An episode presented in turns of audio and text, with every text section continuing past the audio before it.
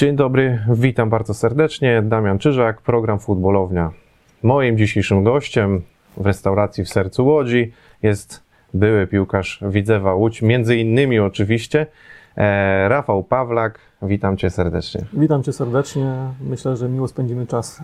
No, ja też mam taką nadzieję i pytania Cię e, może nie zaskoczą. Wiesz, zdaję sobie sprawę, że niektóre pytania już słyszałeś pewnie kilka razy, ale będę starał się trochę przypomnieć i odświeżyć Twoją sylwetkę, bo taka jest konwencja mojego programu, żeby sobie przypomnieć trochę o starych czasach, ale też pogadać o rzeczach ciekawych, którymi się zajmujesz i myślę, że to będzie takie trochę moje pierwsze pytanie, e, żebyśmy się dowiedzieli i kibice mogli się dowiedzieć właśnie, co u Ciebie słychać, a przede wszystkim E, z uwagi na to, że kibice pamiętają Cię najlepiej jako piłkarza, jako trenera, ale też miałeś e, tutaj pracę w Polskim Związku Piłki Nożnej, e, Polskim Związku Piłki Nożnej teraz, a w Polskim Związku Piłkarzy. Obecnie właśnie pracujesz w programie certyfikacji szkółek. Jakbyś mógł opowiedzieć właśnie skąd taki kierunek i czy to szkolenie młodzieży to jest teraz taki Twój konik, jak to wygląda u Ciebie teraz obecnie? Znaczy na pewno jestem trenerem. Można powiedzieć, że od 30 lat, e, jak debiutowałem w wieku 19 lat e, w ówczesnej e, pierwszej lidze. Do tej chwili żyję z piłki, interesuję się piłką, piłka jest moją pasją i po skończeniu kariery zawodniczej zwróciłem się w kierunku trenowania. Przechodziłem wszystkie szczeble trenerskie można powiedzieć, od czwartej ligi do ekstraklasy. Obecnie pracuję w Polskim Związku Piłki Nożnej jako trener, edukator e, w programie certyfikacji i myślę, że na tą chwilę e, spełnia to moje ambicje, oczekiwania co do pracy i mojego własnego rozwoju. Mogę podzielić się e, swoją wiedzą z, z, z młodymi trenerami. No, ja też oczywiście nie jestem starym trenerem, ale moją wiedzą e, trenerską, ale myślę, że mogę też im e, sprzedać e, trochę takich smaczków z kariery piłkarskiej, na co powinni zwracać w swojej pracy trenerskiej uwagę i jak to będzie odbierane przez zawodników. Oczywiście w programie certyfikacji spotykam się i edukuję trenerów, którzy pracują e, z dziećmi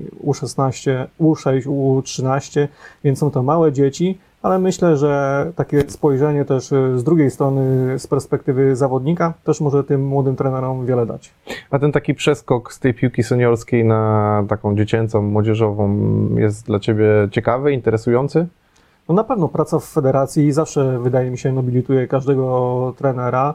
Może gdybym e, prowadził jakąś własną akademię, czy był e, trenerem w jakiejś e, akademii, może do końca nie zaspokajałoby to moich ambicji i szukałbym rozwiązań w kierunku pracy z seniorami, ale myślę, że praca w Polskim Związku Piłki Nożnej dla każdego jest czymś nobilitującym i, i na tę chwilę daje mi to dużo frajdy i pozwala na kontakt e, z różnymi trenerami z całej Polski i myślę, tak jak e, nasze spotkania pewnie rozwijają ich, ale też e, rozwijają mnie, bo trener uczy się całe życie, nie ma skończonych trenerów. Trenerzy, którzy osiągają sukcesy, cały czas idą do, do przodu, rozwijają się myślę, że na tą chwilę jest to coś, co daje mi dużą frajdę. Mhm. Z dzieciakami się ciężej pracuje, czy z dorosłymi? Nie ma, nie ma reguły. To jest kwestia podejścia. Na pewno do dzieci trzeba mieć dużą e, cierpliwość i zdawać sobie sprawę, że pracujemy z młodym człowiekiem, którego tak naprawdę mamy zachęcić do udziału w kulturze fizycznej, żeby on został przy sporcie jak najdłużej, a może później z tej masowości, z tej systematycznej pracy urodzą się y, przyszli reprezentanci Polski, no bo Robert Lewandowski też nie był od razu seniorem. Słuchaj, to przejdę teraz do pytania takiego trochę w kontrze, e, żebyś może opowiedział właśnie, czy ty przypadkiem też nie sparzyłeś się do roli trenera w tej piłce seniorskiej? Bo przygotowując się do wywiadu, czy patrząc też, e, wiele osób mam wrażenie, że wypominało ci ten twój bilans e, porażek w Widzewie. Czy to jest w ogóle coś takiego, co spowodowało, że stwierdziłeś, nie, ja już mam do, dosyć piłki e, na poziomie seniorskim, czy, czy po prostu gdzieś tam szukałeś i chciałeś odpocząć od tego, bo patrzę też przez pryzmat na przykład takich trenerów, nie jak Robert Podoliński, który odnalazł się świetnie w roli komentatora, eksperta. Jak to z twojej strony wygląda? Znaczy, ja na pewno nie sparzyłem się. Jakby wychodzę z założenia, że Widzew mi y, dał możliwość y, pracy w ekstraklasie w pierwszej lidze, ale tak naprawdę cały czas zastępowałem e, trenerów. Oczywiście to jest normalne w pracy trenera, że zawsze wchodzi się do drużyny, która nie funkcjonuje. I tak naprawdę za pierwszym razem e, nie mogłem prowadzić e, dalej drużyny, bo miałem tylko licencję warunkową do końca rundy. A za drugim razem, no wiadomo, wyniki nie były dobre. Właściciel zadecydował, że chce inaczej. Na pewno zwolnienie dla każdego trenera nie jest rzeczą miłą, ale ciężko mówić, że e, się sparzyłem. Widzewie zawsze spotkało mnie tylko to, co dobre, więc na pewno nie mogę tego tak odbierać. Mm. I też rozumiem jakby trenerów, którzy e, długo pracują e, i nie mają jakichś e, dłuższych przerw w wykonywaniu zawodów i czasami potrzebują odpoczynku, resetu, ale tak naprawdę większość e, trenerów w Polsce, jeżeli straci pracę, to jest gotowa do nowych wyzwań i na, tak naprawdę oczekuje tych wyzwań, bo edukowali się w tym kierunku, całe życie poświęci trenerce i chcieliby się rozwijać i pracować w zawodzie, który e, kochają tak naprawdę. No bo jakby na to nie spojrzeć, to tych klubów w Ekstraklasie nie ma zbyt wiele. E, Miejsc dla Polaków wcale też nie musi być wiele, bo zatrudnia się też trenerów zagranicznych. E, Karuzela się teoretycznie kręci, ale wcale nie jest tak łatwo się na nią załapać na dzisiaj. Tym bardziej, że naciskają młodzi trenerzy, chociażby Dawid Szulczek, którego ostatnio miałem okazję, z którym ostatnio miałem okazję porozmawiać. E, Trener Niedźwiedź też można powiedzieć jest osobą, która jest od niedawna w tej eks- ekstraklasie. E, Trener Papszun, który naprawdę osiąga świetne wyniki. E, Widzisz w ogóle jeszcze taką szansę, że wracasz gdzieś w stronę ekstraklasy w ogóle trenowania? Znaczy, jakby trzeba zawsze realnie podchodzić e, do tematu. Wydaje mi się, gdybym miał teraz wracać do piłki seniorskiej, musiałby mi ktoś e, dać szansę w drugiej, maksymalnie w pierwszej lidze i tam musiał potwierdzić, że jestem w stanie zarządzać grupą, przygotować ją do odnoszenia zwycięstw i tak jak w piłce, no, te zwycięstwa muszą być i zawsze po jakichś niepowodzeniach trzeba odbudować swoją pozycję na rynku. W Polsce jest mało takich trenerów, którzy po jakimś niepowodzeniu odczekają e, pół roku, rok i dostaną następną pracę w Ekstraklasie. Oczywiście jest grupa trenerów, którzy potwierdzili swoje umiejętności. Można powiedzieć, że z jakiegoś powodu zostali zwolnieni, bo drużyna przechodziła jakiś kryzys i oni zawsze dostaną pracę. Ale to jest e, tak jak e, z Robertem Lewandowskim. Zarabiają e, dużo, tylko nieliczni, a reszta naprawdę musi ciężko pracować na swój wizerunek i na swoje postrzeganie w środowisku. To jest chyba trochę niewdzięczna praca, rola trenera, bo mimo wszystko oprócz satysfakcji, którą się ma, jeżeli się osiąga sukcesy, to po pierwsze jest niepewna pod wpływem stresu. Nie zawsze te pieniądze są duże, a jeżeli są duże, to są dopiero na ostatnim etapie, gdzie się osiąga jakieś większe sukcesy. No i powiedzmy, że można z dnia na dzień zostać wyrzuconym z pracy, znienawidzonym przez kibiców. Na, na pewno nie jest to łatwa praca, ale wydaje mi się, że do piłki idą ludzie z pasji. W młodości każdy chciał być piłkarzem. Nie wszystkim też się udało, bo wiemy, że do poziomu już dajmy na to centralnego nie dochodzi e, duży procent piłkarzy z populacji, która rozpoczyna treningi i dużo mm, tych młodych chłopców widzi się, może później zostanę nauczycielem, może zostanę trenerem, ale cały czas, jeżeli ktoś złapał baksyla, to co ja mówię tutaj o programie certyfikacji, trzeba te dzieci też nauczyć kultury fizycznej. Jeżeli ktoś wciągnął się w to, pochłonęło to całkowicie, on będzie chciał realizować te marzenia. Nie jest to łatwy zawód, ale też jest to zawód, piłka nożna, którym interesują się miliony. Daje y, poczucie zadowolenia, jeżeli wszystko idzie dobrze, wiąże się też z stresem, ale tak jak y, powiedziałem wcześniej, jeżeli ktoś się na to decyduje, to na pewno nie patrzy tylko też przez pryzmat zarobków, tylko kocha po prostu dyscyplinę, chce się odnaleźć w różnej roli. Ktoś skończy AWF, ktoś y, studia medyczne, będzie lekarzem sportowym, będzie masażystą, bo przy piłce każdy chce być, jeżeli miał wcześniej takie wyobrażenie, że to może być jakiś sposób na życie. No tak z dziennikarzami jest, y, że wielu jest niespełnionym, niespełnionymi piłkarzami. Każdy by, każdy, ka, każdy by chciał też z dziennikarzy nagrodę Pulitzera dostać, ale nie jest to możliwe. Tak. A powiedz mi teraz, tak wybiegając w przód trochę, bo ty pracowałeś właśnie jako dyrektor sportowy w Polskim Związku Piłkarzy, bywasz zapraszany jako ekspert też e, do Kanal Plus, e, przy okazji gdzieś tam pewnie meczów Widzewa, najczęściej pracowałeś jako doradca też w Widzewie, no, od tej strony bardziej już administracyjno-takiej doradczej. Jaka jest w zasadzie twoja taka docelowa rola? Jak ty byś siebie widział? Bo ja rozumiem, że jesteś tu, gdzie jesteś, ale czy ty masz jeszcze jakieś coś takiego, co widzisz, e, czym chciałbyś się konkretnie zajmować? Coś, co cię najbardziej kręci? E, Czy to jest na zasadzie bardziej tam, gdzie cię potrzebują, tam jestem? Znaczy, ja uważam, że jestem trenerem. Trenerem się jest, a działaczem się bywa. Wiadomo, kluby, duże organizacje potrzebują jakby pracowników na różnych szczeblach i do y, różnych zadań. Zawsze będę trenerem, jestem wykształcony y, do tego, żeby być trenerem, a co życie przyniesie, nigdy tego nie wiadomo. Tak jak mówiłeś, Robert Podoliński też jest trenerem. Jak go zapytasz, kim on, kim on się czuje, to on się powie, że się czuje trenerem. Ekspertem jest, bo to go spełnia na Mhm. tą chwilę i daje jakby poczucie zadowolenia i też poczucie bycia w środowisku piłkarskim. Także trenerem zawsze będę. A na jakim szczeblu nigdy y, nie wiemy tego, co będzie w przyszłości, a też nie wiemy, kto może jakby chcieć wykorzystać moją wiedzę e, z bycia piłkarzem, z bycia trenerem jak, w jakiejś innej roli. Odczytuję to w taki sposób, że po prostu jeżeli trafia się dobra oferta, to ty zawsze wybierzesz jednak rolę trenera. To jest, to jest oczywiste, no bo, no bo to trzeba lubić. Nic nie zastąpi na pewno kontaktu codziennego y, z zawodnikami. Jeżeli przejaskrawiam, no ktoś y, zaproponuje mi propozycję selekcjonera, też jest to splendor, ale to jest raz na y, dwa, raz na trzy miesiące na zgrupowania okienka UEFA-owskie, dwa, trzy dni z zawodnikami. Jeżeli ktoś dotknął tej szatni z jednej strony, z drugiej, takiej codziennej pracy, zawsze będzie to dla niego najważniejsze.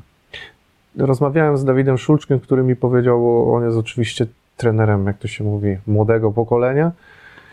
I powiedział, że on na dzisiaj nie byłby przygotowany na rolę selekcjonera i też trudno byłoby mu jednak odrzucić taką codzienność szatni e, ligowej i tego, że się na co dzień przebywa z różną. Rola selekcjonera jest zupełnie inna. Tak patrząc po Twoich krokach, najszybciej pewnie by Ci było może na dzisiaj do jakiegoś roli selekcjonera tych kadr młodzieżowych. To jest e, taka też rola, którą, w której byś siebie widział. Oczywiście wiadomo, nobilitacja wielka, ale e, to bywanie z piłkarzami i trenowanie ich od czasu do czasu jest To wszystko, wszystko, wszystko zależy od projektu. Tak jak powiedziałem, praca w federacji zawsze jest nobil, nobilitująca dla trenera e, w obojętnie jakim charakterze. Można powiedzieć, że przykład Michała Probierza jest tutaj najlepszy. Trener, który prowadził sukcesami drużyny ekstraklasy, uznał, że projekt e, dla niego reprezentacji U21 jest czymś, co na tą chwilę będzie jakby spełniało jego ambicje i y, jakąś ścieżkę ro, rozwoju. Dlatego no, nigdy nie wiadomo, co się wydarzy w życiu. Ja akurat e, tu poruszyłeś temat trenera Szulczka. Uważam, że to jest jeden ze zdolniejszych e, trenerów e, młodego pokolenia. Bardzo mi się podoba mm, sposób zarządzania Wartą Poznań, ustawienie drużyny na boisku i ta dyscyplina taktyczna, widać rękę trenera i to jest najfajniejsze w tej pracy, że ktoś może przyjść i powiedzieć, że okej, może nie masz wyników, ale widać po mm, twojej drużynie, że ona gra z jakimś pomysłem i to na pewno można o trenerze Szulczku powiedzieć, że drużyna bardzo zdyscy- zdyscyplinowana taktycznie i na potencjał zawodników, oczywiście nikomu nie odbierając y, tutaj niczego, gra bardzo dobrze. Mówię o nim, bo to jest po pierwsze świeży wywiad, a po drugie zrobiło to spotkanie na mnie też bardzo duże wrażenie, e, mimo że jest osobą młodą w tym środowisku, to bardzo ciekawe rzeczy mówił i zwracał na wiele rzeczy uwagę. Znaczy, przepraszam, ci przerwę, jakby tutaj w, pi w piłce nigdy nie można powiedzieć, że ktoś jest młody albo jest stary. Albo jesteś Tak, dobrym oczywiście. trenerem, albo złym. Jakby Fernando Santos ostatnio przy powołaniach powiedział, że dla niego e, metryka się nie liczy, będzie powołał najlepszych piłkarzy. Tu rozmawialiśmy akurat o trenerze, bronią go wyniki i tak naprawdę przyjemnie się ogląda tą wartę, bo zawsze jest fajnie obejrzeć Real Madryt czy Barcelonę. Znamy wszystkich y, piłkarzy doskonale, wiemy czego się po nich spodziewać, a tutaj naprawdę ma takich naprawdę piłkarzy nieoczywistych, którzy jako drużyna prezentują się bardzo dobrze. No myślę, w przypadku, kiedy nie masz imponującej kadry i jednak wygrywanie, zdobywanie punktów, e, to robi największe wrażenie i to chyba decyduje. No zawsze na koniec trener będzie oceniany po jego wynikach. Jasne. Słuchaj, wrócę teraz troszeczkę, cofnę się w czasie, pogadajmy trochę o Twojej karierze, o, o Twoich doświadczeniach, bo rozegrałeś ponad 350 meczów, więc to są też imponujące liczby, jeżeli chodzi o Twoje doświadczenie ligowe. Yy, Ale trochę dopytam o te Twoje epizody zagraniczne, bo do tych ligowych może jeszcze wrócimy, ale te epizody zagraniczne mnie interesują. Tam były, powiedzmy sobie, dosyć krótkie Chiny i Grecja.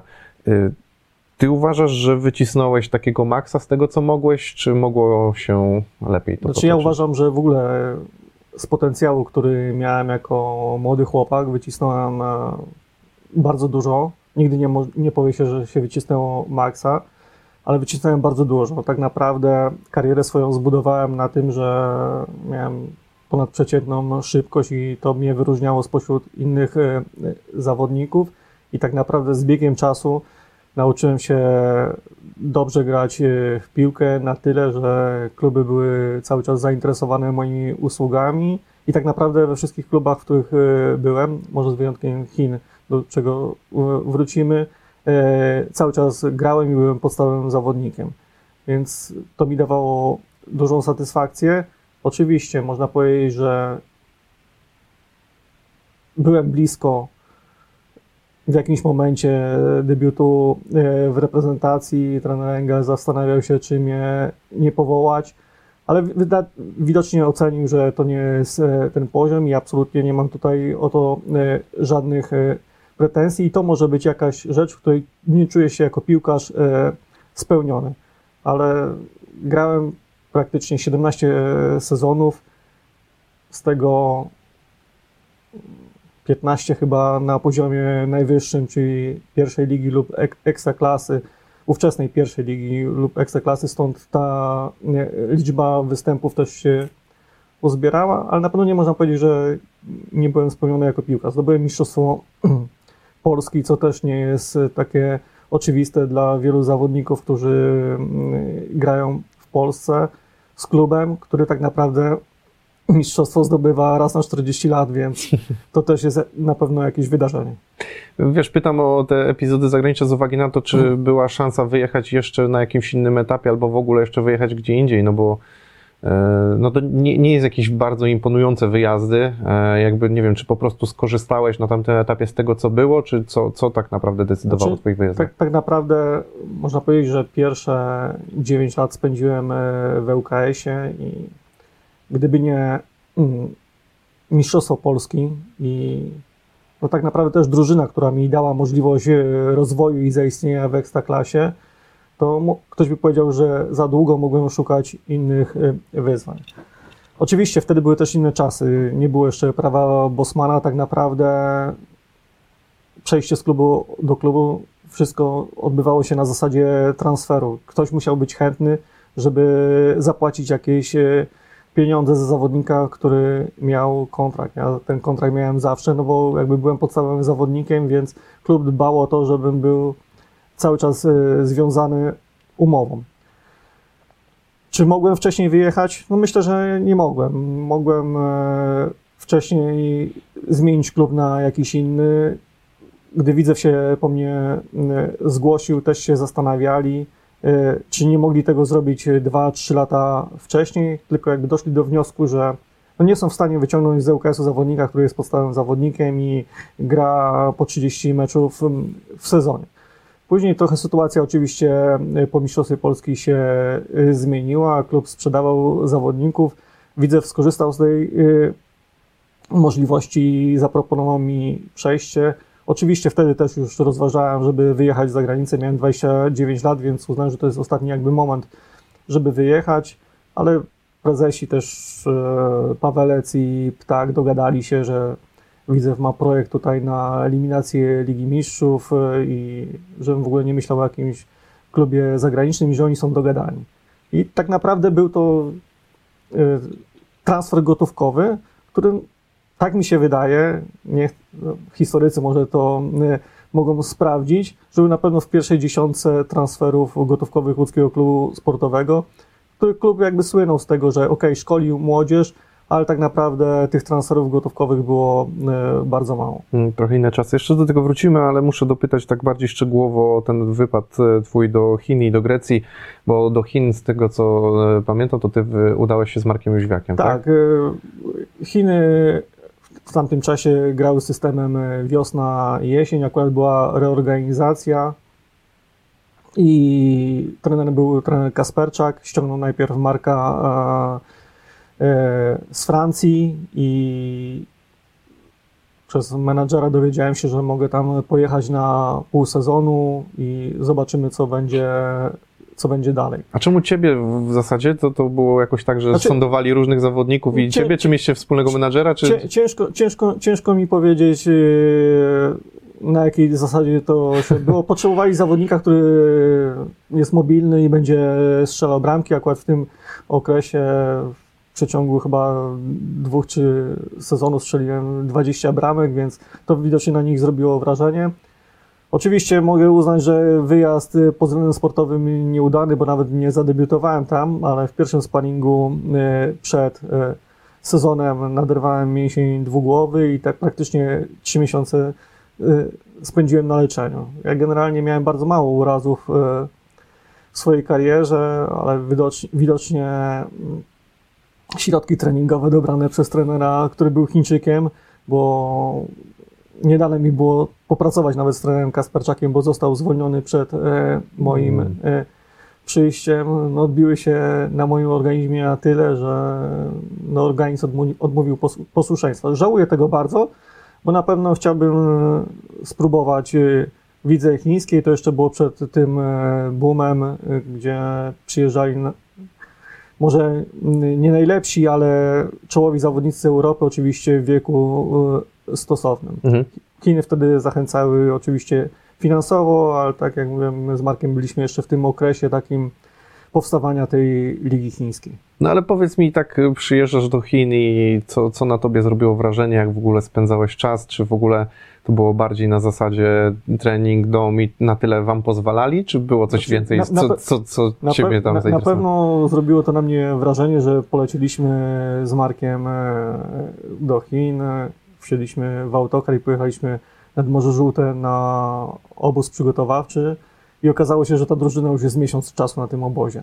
My tam to siedzieliśmy chyba trzy tygodnie czy cztery i mm, po obozie wracamy do miasta, w którym mieszkaliśmy i cała drużyna podjeżdża pod hotel. Myśleliśmy z Markiem, że po prostu wiozą nas do hotelu, żebyśmy, bo w hotelu mieliśmy mieszkać. A cała drużyna wysiadła i wszyscy razem mieszkali z nami w hotelu przez e, całe rozgrywki. Później pytaliśmy, skąd się to bierze i kierownik, taki tłumacz e, wytłumaczył nam, że w ich kulturze jest tak, że oni potrafią funkcjonować, jeżeli czują się w jakiejś grupie, społeczności to taki naród, który musi mieć nad sobą cały czas kontrolę. Oni oczywiście mogli raz w tygodniu, bodajże w czwartek, e, mogli e, wyjść i o którejś godzinie mogli wrócić, ale generalnie wszystko polegało na skoszarowaniu. Później oczywiście te standardy na pewno się zmieniły. No, nie wyobrażam sobie, że przyjeżdża gwiazda z Europy czy z Brazylii i też mieszka z wszystkimi w hotelu, ale wtedy na tą chwilę tak to wyglądało. Czyli też tak spędzaliście czas? No, Spędzaliśmy czas na tym, Czy się że- urywaliście gdzieś znaczy jak to? nie, jakby mogliśmy wychodzić. Nas jakby tutaj zasady, że musimy być cały czas w hotelu nie obowiązywały, no to korzystaliśmy z okazji. Chodziliśmy sobie na kolację, żeby trochę zjeść takiego jedzenia europejskiego. bo no, kuchnia chińska to nie jest to, co myślimy, że jest w Europie, to jest całkiem inna kuchnia. Jakby idąc naprzód, później y, grałem w Grecji i też odwiedzałem taką chińską restaurację i Grek, kucharz wytłumaczył mi, że to są jakby całkiem inne światy. Jeżeli w Grecji y, w restauracji chińskiej by serwowali typowe takie regionalne i kulturowo odpowiednie dania, to restauracja by zbankrutowała, nikt by nie przychodził. I pewnie to, to co jest w Polsce w restauracjach chińskich, też działa na, na tej zasadzie. Oczywiście są przyprawy, jakieś tam receptury, ale produkty jakby są dostosowane do gustu Europejczyków. Ale sugerujesz o jakichś produktach odzwierzęcych, które są... No, no, jakby jak mówisz, czy jadłem psa, to nie jadłem, to raczej w kuchni koreańskiej. Nie, może już nie aż tak, ale, ale czy coś specyficznego jadłeś, takiego co... Znaczy, co... Na talerzu nie wyglądało to za, za dobrze, generalnie. Nie wnikałeś za mocno. Tak, generalnie dużo ryżu, dużo kurczaka i jakby na tym się ograniczaliśmy z Markiem, jakieś owoce, warzywa. No, można powiedzieć, nie eksperymentowaliśmy z kuchnią chińską tak, żeby poznać wszystkich smaków.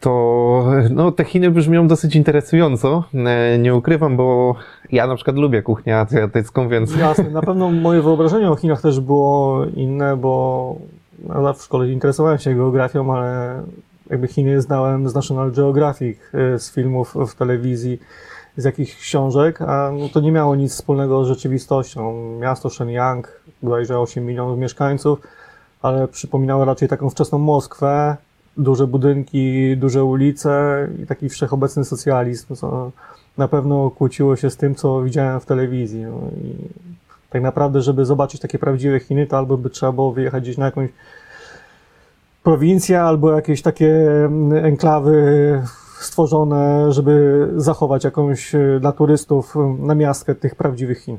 to był dosyć krótki etap, ale mamy też Grecję. E, Grecja to już zupełnie inna kultura, można powiedzieć, no słońce jest tam częściej niż w Chinach e, i chciałem dopytać, jak tam spędziłeś czas? Jasne, na pewno to uważam za udany okres. Mieszkałem e, w Atenach i tak naprawdę w tym czasie chyba dziewięć klubów było z Aten albo z okolicy, więc tak naprawdę cały czas e, przemieszczałem się e, po mieście, grałem przeciwko dobrym drużynom, e, dobrym zawodnikom. Też można powiedzieć, że drużyna, do której trafiłem, miała po rundzie jesiennej dwa punkty. Ja po kontuzji, której przez pół roku wcześniej w Chinach nie grałem, też miałem jakieś oba- obawy, czy y, sobie poradzę, ale myślę, że wyleczyłem tą kontuzję i pokazałem się tam e, z dobrej strony. Mieliśmy za cel utrzymać się e, w ekstraklasie, co nie było takie oczywiste, jeżeli drużyna ma po rundzie jesiennej dwa punkty, ale z tego co pamiętam, chyba na dwie kolejki przed końcem udało nam się utrzymać. I jakby właściciel zadecydował, że tak jak wziął e, w grudniu sześciu nowych zawodników, tak samo zrobił w czerwcu i wziął ośmiu następnych, wymienił na jeszcze tańszych zawodników. Myślał, że to e, przyniesie też mu wynik sportowy. Jak się później okazało, drużyna spadła e, z, najwyższej ligi i później też zbankrutowała. Teraz, e, jak śledziłem, to e, odbudowali się, wrócili bodajże na poziom e, pierwszej, pierwszej ligi, ale paradoksalnie przed moim przyjściem, sezon wcześniej, drużyna do ostatniej kolejki z Pałkiem Saloniki rywalizowała o udział w europejskich pucharach. Właściciel uznał, że jest tak dobrze, że wymieni 11 zawodników. Wymienił 11 zawodników i się okazało, że drużyna ma dwa punkty po e, rundzie jesiennej i stąd ten zaciąg. Ja pamiętam, pojechałem tam e, w grudniu e, na testy, bo do Chin pojechałem z podpisanym kontraktem. Tutaj menadżer e, powiedział, że muszę jechać się pokazać, bo nie grałem pół roku. Pojechałem na testy, było siedmiu zawodników na testach w grudniu. Okej, mamy twój telefon, odezwiemy się. To ja myślałem, że z tego po prostu nic nie będzie. No jakby znam, znam realia. Nie pierwszy rok byłem w piłce, ale e, po świętach bodajże menadżer zadzwonił, że wszystko jest dogadane, e, na początku stycznia jedziesz. I co się okazało, że z tych siedmiu zawodników sześciu e, zostało, bo taka była metoda działania ówczesnego właściciela i prezydenta i to mu się sprawdzało. Utrzymaliśmy się i zadecydował, że czas na nowe rozdanie. Ja wtedy mogłem wrócić do Widzewa, e, bo też miałem e, taką propozycję, ale trochę się zrobiło zamieszania. Może niepotrzebnie też e, czytałem komentarze, jakby teraz nauczony doświadczeniem unikałbym tego, bo zawsze każdy może powiedzieć, że się nie przejmuje komentarzami, ale zawsze w podświadomości coś zostaje. Wtedy była sytuacja, że miało do Widzewa wejść ITI i wszyscy mówili, ok, będziemy znowu wielkim, bogatym klubem i dlatego Pawla chce wrócić. I zdecydowałem, że ok, niech to ITI sobie wchodzi, ja zawsze uważam, że jeżeli ktoś chce wejść e, z pieniędzmi, jakiś biznes sportowy i ma na to jakiś rozsądny plan, to czemu nie? Zdecydowałem, że pójdę do Pogoni Szczecin na rok czasu i zobaczymy, co się wydarzy później. Na pewno e, miałem w głowie to, że, tak jak mówiłem wcześniej, 17 lat grałem zawodowo w piłkę, z tego 14 lat spędziłem w Łodzi, więc to jest korzystne dla e, piłkarza, że może jakby przebywać w własnym środowisku zawsze jest łatwiej, nie, nie trzeba ciągle walczyć, poznawać nowego środowiska. Teraz z perspektywy czasu uważam, że to był błąd, bo Pogoń po odejściu prezesa Begdasa też miała gigantyczne problemy. I tak jak w Chinach mogę powiedzieć, że nie grałem z powodu kontuzji, tak jak to w Pogoni grałem, ale byłem no, permanentnie niezadowolony, bo mieszkałem daleko od swojego rodzinnego miasta i tak naprawdę tylko to, że grałem na poziomie ekstraklasy dawało mi jakieś zadowolenie, ale nie szły za tym żadne finanse, bo klub y, permanentnie nie płacił. Nie pojechał na ostatni mecz, wycofał się, nowa pogoń zawiązała się, zaczęła od czwartej ligi, odcięła się jakby od długów, co jest powszechną praktyką e, polskich klubów, którzy, które mają e, problemy finansowe. Można powiedzieć, że do tej pory, nie wiem czy ruch Chorzów chyba e, spadł, ale jakby cały czas istnieje jako e, ten ruch Chorzów, który mm. zapisał się w historii polskiej piłki z kilkunastu tytułów mistrzowskich. Spłacili swoje zobowiązania, są na, drugim miejscu w pierwszej lidze i cały czas robią kroki, żeby się odbudować, wrócić do ekstraklasy i to szanuję. Jakby też oczywiście szanuję też kluby, bo każda sytuacja jest inna. Ale kluby bardzo często powołują się też na historię, że są spadkobiercami tradycji, tylko dużo piłkarzy, bo nie chcę jakby powiedzieć, że ja jestem jakimś tutaj wyjątkiem. Wielu piłkarzy przeszło przez kluby, które odcięły się od długu, zbankrutowały i tak naprawdę mówią, że są e, spadkobiercami tradycji, ale nikt nie pomyślał o tych piłkarzach, którzy e, poświęcili swój czas dla klubu, a nie dostali za to wynagrodzenia. No ale w Widzewie też ta sytuacja zaistniała. W Widzewie też to, ta sytuacja zaistniała, ale ja zawsze mówię o Widzewie, to jest mój klub. Ja jak odchodziłem z Widzewa, też mieliśmy niepłacone, ale uważałem, że to jest klub z mojego miasta. Chcę tu kiedyś wrócić, chcę tu y, pracować, bo jakby pasuje mi atmosfera tego klubu, ten głód sukcesu, to, że Widzew zawsze musi wygrywać, to mnie zawsze e, nakręcało. I powiedziałem, że z widzem się nigdy nie będę e, sądził o żadne pieniądze i po prostu odpuściłem te długi, które były wobec mnie i wyjechałem e, za granicę. Oczywiście to jest jakby mój punkt widzenia. Zawodnicy, którzy przyjechali tutaj z Polski, bo widzę, że zawsze ściągał najlepszych zawodników z Polski, bo to był, jest i będzie taki klub, który zawsze potrzebuje sukcesów. Zawsze chce mieć najlepszych, bo chce zawsze walczyć o jak najwyższe cele. I oni tu przyjechali oczywiście dla rozwoju e, piłkarskiego, ale też, żeby zarabiać jakieś pieniądze. Ktoś im coś obiecał, nie będziemy wracać do jakby sławnego e, powiedzenia i się z tego nie wywiązał, więc też ich mogę zrozumieć, że jako zawodnicy z Polski czy z zagranicy no, upominali się o swoje zaległe pobory na drodze sądowej. Nie potępiam, tak jak mówię, każdy przypadek jest inny, ale tak jak w moim przypadku, no, po prostu uznałem, że ten klub też mi dał dużo rozpoznawalność, bo przychodziłem do Widzewa jako obrońca, a w Widzewie grał Marek Citko, Artur Wichniarek, a w pierwszym sezonie strzeliłem 10 bramek, najwięcej z całej drużyny. Więc na pewno ten szum, zainteresowanie e, moją osobą było dużo większe, co też jakby dawało mi takiego spełnienia. Jakby nie zawsze też pieniądze są najważniejsze.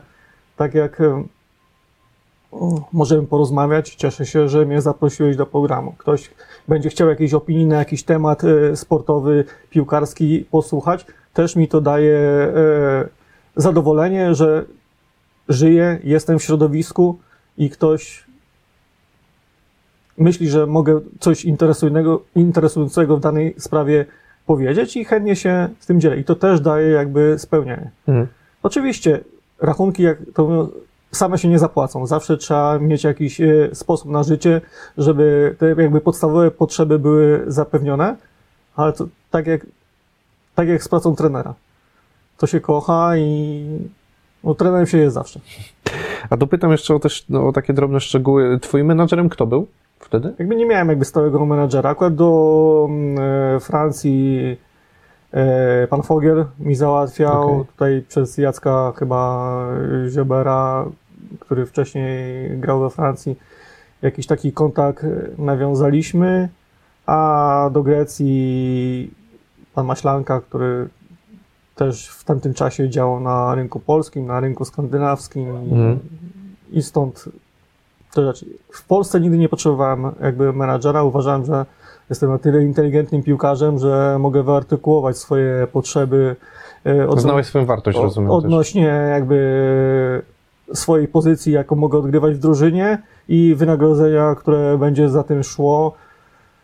Kiedyś były inne czasy. Piłkarze yy, bardziej się znali, to nie, było takiej rotacji w kadrach. Wychodząc na mecz w tunelu zawsze można było zamienić e, e, słowo z zawodnikiem z drugiego końca Polski, bo ty go widziałeś dwa razy przynajmniej w roku przez ileś lat, to było tam, spotyka, spotykaliśmy się też często, bo drużyny jeździły w jedno miejsce na obozy, więc nie było takiej rotacji i miałem jakby przegląd, co się dzieje e, w Polsce i uznałem, że jeżeli mam Polsce zmienić klub, to ja sobie doskonale poradzę. Mm. Teraz oczywiście to funkcjonuje diametralnie inaczej. Teraz ciężko znaleźć e, zawodnika, który biega w dobrą stronę i kopie lewą i prawą nogą, żeby nie miał menadżera. To, tak, to inne, tak. inne czasy. Że dzieciaki mają w zasadzie, no, znaczy od tego wieku, który mogą mieć, ale to... Jakby wystarczy pojechać na zgrupowania reprezentacji młodzieżowych mm. i jakby Wianuszek ludzi z boku boiska. Będzie znał każdego. A jeszcze jakbyśmy mogli doprecyzować, bo mówiłeś, że były oferty po tej Grecji z Pogoni i Widzewa i jeszcze w ogóle coś zagranicznego się pojawiało w tle, czy już w ogóle to było tak, że nic nie, się... Nie, jakby tutaj nie miałem żadnej oferty. Oczywiście jakbym miał, pewnie bym skorzystał. Mhm. Jakby ja nie, nie, jestem, nie zamykałeś się. Nie zamykałem się, ani nie jestem e, z tych piłkarzy, którzy się boją jakichś e, wyzwań. Jakbym się bał jakichś wyzwań, to na pewno nie przeszedłbym z UKS-u do Widzewa i to jakby już pokazało, że zawsze byłem otwarty na rozwój i nie byłoby to dla mnie niczym szczególnym, że musiałbym zmieniać e, inny kraj. Takie, takie jest życie piłkarza. Oczywiście w tamtych czasach nie było to takie oczywiste, że jak, mówimy, że jakieś przywiązanie do barw klubowych, to to było. Piłkarze grali po 4, 5, 6, 7 lat w jednym klubie i tak naprawdę często zmieniali klub, albo jak już nie dojeżdżali, kolokwialnie mówiąc, e, fizycznie albo z umiejętnościami, no bo tak jak w moim przypadku, chcieli spróbować jakiegoś nowego wyzwania. Mhm. Taki najbardziej jaskrawy e, przypadek, chyba najbardziej znany, Łukasz Piszczek z napastnika staje się obrońcą, Bartek Bereszyński podobnie z napastnika staje się też obrońcą. W Twoim przypadku to poszło raczej w drugą stronę, ale ja dopytam Ciebie teraz jako trenera, czy taka zmiana powinna być podyktowana e, bardziej tym, jak jaką trener ma wizję na zawodnika, czy gdzie zawodnik lepiej się czuje i to on bardziej powinien podyktować, w którą stronę chciałby się przesuwać? Znaczy, zawsze w drużynie trener jest najważniejszy. Jakby no, zawodnik nie może przyjść do trenera i powiedzieć, panie trenerze, ja teraz mi się coś prze, przestawiło, ja się czuję, że ja będę strzelał bramki.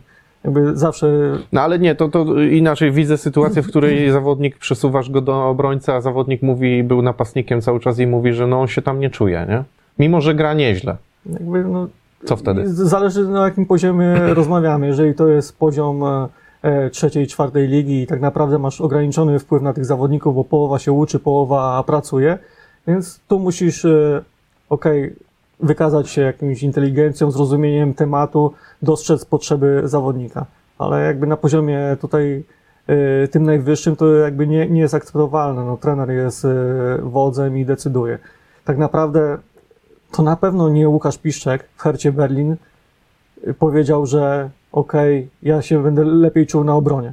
Tylko trener zobaczył w Łukaszu potencjał przede wszystkim motoryczny i uznał, że do systemu, jeżeli będzie grał czwórką obrońców, to to będzie idealny kandydat, który jako wcześniej napastnik umie z piłką dużo, ale umie odbierać, jest na tyle mobilny, że zabezpieczy mi skrzydło. Oczywiście później nawet y, już Łukasz był starszy, grał w Borussii Dortmund na wahadle, grał jako y, jeden ze stoperów i zawsze to jest decyzja trenera. On ocenia potencjał. Jeżeli widzi, że zawodnik może mu dać więcej na innej pozycji, to to robi. Oczywiście takich przypadków nie ma dużo. Najczęściej to jest jakieś rotacje yy, w obrębie zawodników linii środkowej, jeżeli ktoś był bocznym pomocnikiem, ale okej, o- odnajduje się jakiejś w grze kombinacyjnej i trener widzi potencjał, że on też na dziesiątce zagra, to takie zmiany są częste, czy z pomocnika na napastnika. Drugą stronę to jest e, raczej rzadko i tak naprawdę chyba decyduje o tym potencjał motoryczny. Jeżeli Łukasz, który też był szybkim zawodnikiem, jest, bo jeszcze gra, to nie można powiedzieć, że e, No już chyba teraz więcej trenuje jednak. ale jest jakby czynnym piłkarzem. To na pewno ma tą sła- słabszą tą trochę szybkość, bo to mm, z wiekiem najszybciej zanika. Ale gdyby nie miał tej jakby wiodącej cechy takiej motorycznej, że był szybki i do tego jeszcze poparł to wytrzymałością szybkościową, to nigdy w Bundeslidze by się nie odnalazł na pozycji bocznego obrońcy, bo liga jest znana z tego, że jakby preferuje zawodników wybitnie przygotowanych motorycznie i takich kompletnych motorycznie. A, a w Twoim przypadku, jak to było? Bo ta motoryka mówisz, że była wiodącą cechą e, i umiejętnością, więc rozumiem, że z uwagi na to, czy Ty Czy po to prostu było- też to- się dostosowałeś do tego, co To było przypadek chwili. Ja grałem cały czas jako boczny obrońca albo kryjący, bo też graliśmy trójką obrońców. Jakby może wtedy to nie było takie oczywiste w tamtych czasach, ale nie było trójka obrońców w linii, tylko dwóch kryjących i stoper. I akurat był taki sezon, że UKS miał problemy ze strzelaniem bramek i bodajże trener Ryszard Polak Zobaczył, że coś trzeba zmienić w tej drużynie. Ja zawsze na treningach dużo bramek strzelałem, mnie cieszyła gra do przodu i w pierwszym meczu z Amiką Wronki wystawił mnie jako napastnika, strzeliłem bramkę. To była końcówka sezonu, pięć ostatnich meczów, ja bodajże strzeliłem cztery bramki i no, ktoś zobaczył, że mogę grać z przodu. Potem przyszedł transfer do Widzewa i w Widzewie był trener e, Marek Dziuba trenerem i nawet go zapytałem tak trochę przekornie, trenerze, ale na jakiej pozycji mnie trener widzi? No to powiedział, że mi się nie wygłupiał, że dla niego jestem obrońcą. I przechodziłem do Widzewa jako obrońca, zacząłem sezon, e, graliśmy czwórką obrońców, ja grałem na prawej, Maciek e, Stolarczyk na lewej obronie. Graliśmy naprawdę ofensywnie, ale później też kolejni trenerzy zobaczyli, że mogę dać drużynie więcej, no i stąd się wzięło to 10 bramek w tym pierwszym sezonie w Widzewie, co tak naprawdę pomogło mi zaistnieć w tej drużynie. Ktoś zobaczył, że przychodzę z drużyny od wiecznego rywala, ale mogę coś tej drużynie dać ponad, że nie jestem jakby jednym z wielu zawodników, tylko odnalazłem się w środowisku, wziąłem wszystkie jakby problemy dookoła e, na klatę i pokazałem, że umiem grać w piłkę i jestem przydatny dla drużyny. Mhm. A jak to się stało, że w zasadzie wychowanek ŁKS-u tak mocno związał się ostatecznie z Widzewem? No bo zdobywasz Mistrzostwo Polskie z ŁKS-em, co jest pewnie wielkim wydarzeniem też dla ciebie jako piłkarza, e, ale jednocześnie mam wrażenie, znaczy chyba też to oficjalnie mówisz, że jednak to serce twoje jest tutaj e, w Znaczy, sercu Łodzi w, w, na Widzewie. Ja, ja zawsze byłem e, piłkarzem. Można powiedzieć, że nie byłem takim kibicem ortodoksyjnym. Kibicem piłki, można powiedzieć, że byłem. Zawsze mnie piłka interesowała. Oczywiście e, jako wychowanek ŁKS-u całe jakby to życie w tych kategoriach młodzieżowych y, spędziłem na meczach ŁKS-u, ale jakby sytuacja, która jakby nastąpiła po przejściu, jakby, jakby mogę zrozumieć kibiców, że mieli żal, że ja przeszedłem e, z ŁKS-u do lokalnego rywala, ale tak jak już kiedyś, znaczy na początku wspomniałem, nie było prawa Bosmana. To nie ja tak do końca zadecydowałem, że przejdę do Widzewa, tylko prezesi się dogadali, że jest projekt Liga Mistrzów i e, Rafał przejdziesz do Widzewa. Także jakby ŁKS wziął za mnie środki, które jakby były nie jakby proporcjonalne do tego, co klub we mnie zainwestował, bo wiadomo, jak się zawsze traktuje e, wychowanków własnego klubu. Okej, doceniamy, dajemy ci miejsce, możesz grać, ale finansowo zawsze to był jakby średniak e, w drużynie, bo, no bo ty jesteś wychowankiem, ty jesteś związany z tym klubem, to tu musisz grać całe życie. I może tak to do tego podeszli i stąd jakby ta niechęć i taka nie wiem, antypatia może do mojej osoby, która jakby się zrodziła w ich głowach. Nie, nie dyskutuję jakby z tym, każdy ma prawo do jakby swojej oceny, ale jeżeli mam miło spędzić czas, przy, zawsze przyjdę na Widzew, bo tu mnie obdarzono dużym zaufaniem, dano mi możliwość rozwoju. Wydaje mi się, że też odw- od- odwdzięczyłem się drużynie jako zawodnik i nikt mi tutaj nie dał odczuć, że jestem jakimś e, ciałem obcym. Oczywiście przyszedłem z ŁKS-u, ale potwierdziłem, że jestem członkiem tej y, społeczności. ŁKS ma jakby z tym problem do dzisiaj. Miał stulecie klubu, otwarcie nowego stadionu, jakby nie było żadnego kontaktu ze strony klubu. Mogę to zrozumieć, nie muszę się z tym godzić, jest dobrze jak jest. Jasne. Mm, Patrzę przez pryzmat często lat 90., czy tych początku 2000, to zupełnie inne szatnie piłkarskie, to zupełnie inni zawodnicy, też ci zawodnicy z lat 80., którzy gdzieś tam powoli kończyli te kariery, ale to były szatnie naprawdę mocne, z mocnymi charakterami. E, Patrząc po nazwiskach, z którymi byłeś w szatni, e, czy w ŁKS-ie zdobywając mistrzostwo, to naprawdę twarde charaktery. W ogóle Dzisiaj większa jest rotacja też w szatni, prawda, niż tak jak wtedy. Te, te, te rotacje piłkarzy nie były aż tak duże, ale powiedz mi, jak ty wspominasz te, te szatnie piłkarskie z tych początków lat właśnie, e, czy to 90 lata, czy 2000? No, Bo ty się spotkałeś jeszcze z szatniami już, gdzie wchodzili ci młodzi, czy na Widzewie, jak trafiłeś do Widzewa, prawda, już, Tak. już te, te były większe, a, ale na ŁKS jednak miałeś te mocne no, nazwiska. na pewno moje wejście do drużyny to ŁKS zawsze słynął z tego, że dobrze szkolił młodzież i co roku jeden, nieraz się zdarzało, że dwóch e, wychowanków awansowało do pierwszej drużyny, ale naprawdę to nie był przepis o młodzieżowcu.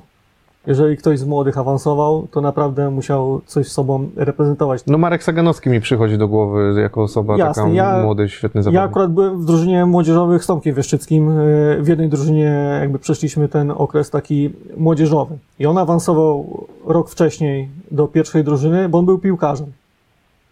On nie miał cechy motorycznej wiodącej, ale był piłkarzem. Po prostu piłkarsko się bronił na boisku. Ja awansowałem rok później, bo ktoś dostrzegł, że ja szybciej dobiegam do piłki niż pozostali i mogę być jakby przydatny w drużynie.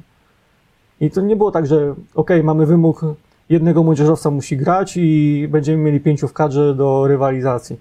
Nie, jak ktoś potrafił, to awansował. Kadry też nie były takie liczne. Jak to było 22 zawodników, to, to było wszystko, przynajmniej w ŁKS-ie tak to działało. Był to klub, który jakby nie stać było na to, żeby ściągnąć i sobie zrobić kadrę 30 zawodników. Ale w innych klubach też było podobnie. Ja bym mógł wymienić z tamtych lat zawodników z Legii Warszawa, z Lecha Poznań i to też jakby 12, 14 jakichś nazwisk, piłkarzy, którzy cały czas grali. I wtedy na, w tamtych czasach młodym zawodnikom nie było łatwo awansować. No, przysłowiowa tam fala, noszenie sprzętu. Teraz to nie istnieje. Właśnie o to dopytuję, czy ty się spotkałeś w tych szatniach jeszcze z czymś takim? Byłeś wychowankiem, więc może troszkę inaczej u ciebie to przebiegło, ale jednak no szatnia Znaczy, szatnia zawsze Krysiak, Bęckowski, Znaczy, czy... czy... jakby Grzesiek jakby później przyszedł, to ja już byłem jakby, jak Grzesiek przyszedł Krysiak do ŁKS-u, to ja już byłem podstawowym zawodnikiem, jakby to całkiem Inaczej. inaczej, ale w tamtych czasach jak wchodziłem, Będkowski, Węslewski, Chojnacki, Jarek Bako, Jacek Ziober, to jakby nazwiska, które grały w reprezentacjach Polski. Yy, bracia Robakiewicze i można powiedzieć, że ŁKS miał zawsze dobrych piłkarzy, a zawsze zajmowało miejsce 7-10. I to mi głównie w ŁKS-ie nie, nie pasowało, ta mentalność takiego średniactwa. Że tu najważniejsze, żebyśmy nie, nie spadli, puchary nam nie grożą, tak sobie wygrasz, przegrasz, zremisujesz, nikt się tym za bardzo nie interesuje. W przeciwieństwie do Widzewa, w którym zawsze musisz wygrywać, bo, bo to jest tak y, mentalnie ukształtowany.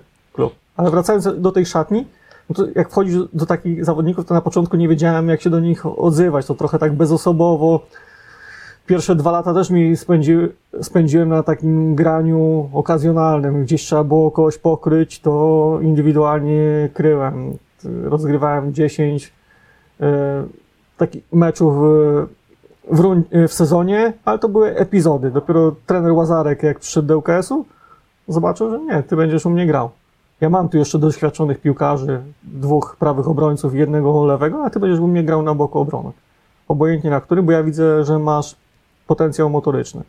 I to oprócz trenera Jezierskiego, który mnie wprowadził oczywiście do ŁKS-u i dał szansę, to trener Łazarek to był takim trenerem, który tak naprawdę postawił na mnie i powiedział, ty będziesz u mnie grał, synek.